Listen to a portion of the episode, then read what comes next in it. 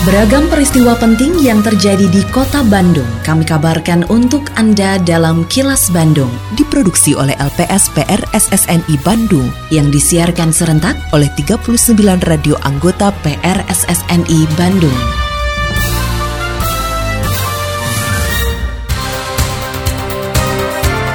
Sejumlah informasi aktual kami hadirkan untuk Anda dan inilah informasi utamanya. Pemkot Bandung gelar silaturahmi dengan tokoh agama menyambut Hari Raya Nyepi. Bulog Bandung siap menjamin ketersediaan kebutuhan pokok menjelang Ramadan. Meski lamban, kasus pembunuhan di Subang pasti terungkap. Saya Ita Ratna, inilah kilas Bandung selengkapnya. Pemerintah Kota Bandung memastikan seluruh masyarakat beragama di Kota Bandung mendapat kenyamanan beribadah sesuai kepercayaan yang dianut. Hal tersebut disampaikan pelaksana tugas Wali Kota Bandung Yana Mulyana saat bersilaturahmi dengan umat Hindu di Pendopo Kota Bandung menjelang perayaan Hari Raya Nyepi dan Tahun Baru Saka 1444. Yana mengatakan silaturahmi dengan tokoh agama yang ada di Kota Bandung merupakan kebiasaan yang sudah lama dibangun pemerintah Kota Bandung menjelang perayaan atau hari besar keagamaan. Yana berharap silaturahmi antar umat beragama di Kota Bandung semakin erat lagi karena sejalan dengan visi Kota Bandung yang agamis, sehingga setiap masyarakat Kota Bandung mendapat kebebasan dan kenyamanan beribadah sesuai agama yang mereka anut. Alhamdulillah menjelang hari suci Nyepi tahun Saka 1944 kami mengundang teman-teman keluarga besar yang beragama Hindu yang di Kota Bandung untuk hadir silaturahmi. Kami dan pemerintah kota menyampaikan langsung selamat merayakan. Terima kasih juga selama ini sudah membantu Bandung tetap kondusif dan kami tadi menyampaikan bahwa ini memberikan keyakinan kepada siapa pun yang menganut agama yang diakui oleh pemerintah itu bisa melaksanakan ibadah dengan aman dan baik. Perum Bulog Cabang Bandung menjamin ketersediaan pasokan kebutuhan pokok masyarakat menjelang datangnya bulan suci Ramadan. Saat menggelar operasi pasar minyak goreng bersama Dinas Perdagangan dan Industri atau Disdagin Kota Bandung di Kecamatan Rancasari pada Kamis kemarin, Ketua Perum Bulog Cabang Bandung Yuliani Alza mengatakan pihaknya siap memasok berbagai kebutuhan pokok masyarakat seperti minyak goreng, gula pasir, tepung terigu, dan daging termasuk beras. Dalam operasi pasar tersebut, Bulog Cabang Bandung menyiapkan 3.600 liter minyak goreng yang dijual dengan harga Rp14.000 per liter, juga 300 kemasan beras ukuran 5 kg seharga Rp56.000 dan gula pasir yang dijual Rp12.500 per pak. Jadi untuk insya Allah bulan Ramadan, Bulog Bandung siap karena kami terus minyak goreng itu terus kami order ya. Tapi memang distributor itu kan tidak cuma Bandung, tapi banyak di Indonesia. Itu kami sudah masuk antrian. Gula pasir juga ya Bu ya sudah kami order, begitu juga terigu, daging kerbau juga sudah, daging sapi juga sudah, beras apalagi. Insya Allah kami bisa menyediakannya di bulan puasa.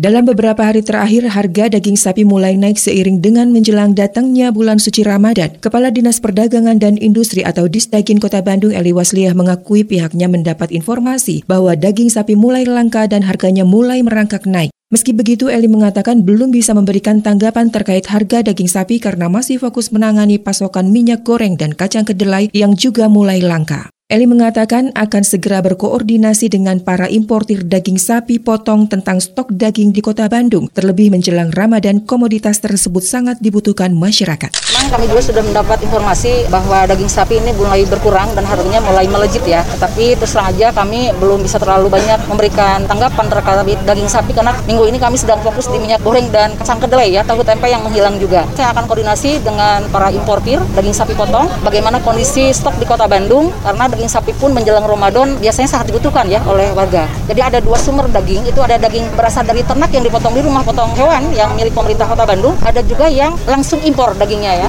Jadi langsung impor dari Australia, dari New Zealand.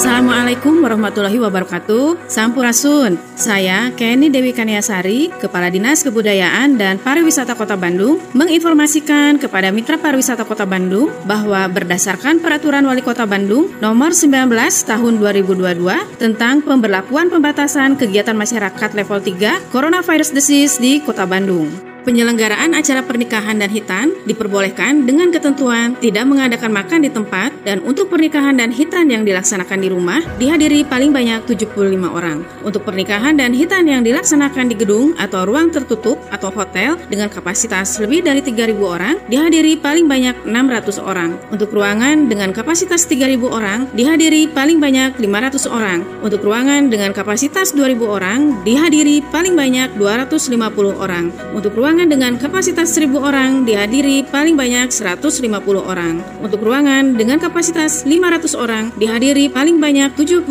orang. Untuk ruangan dengan kapasitas kurang dari 200 orang dihadiri paling banyak 25% pengunjung atau tamu dari kapasitas ruangan. Ayo mitra pariwisata, bersama-sama kita wajib melaksanakan protokol kesehatan, pencegahan dan pengendalian penyebaran COVID-19 secara ketat, konsisten, dan disiplin.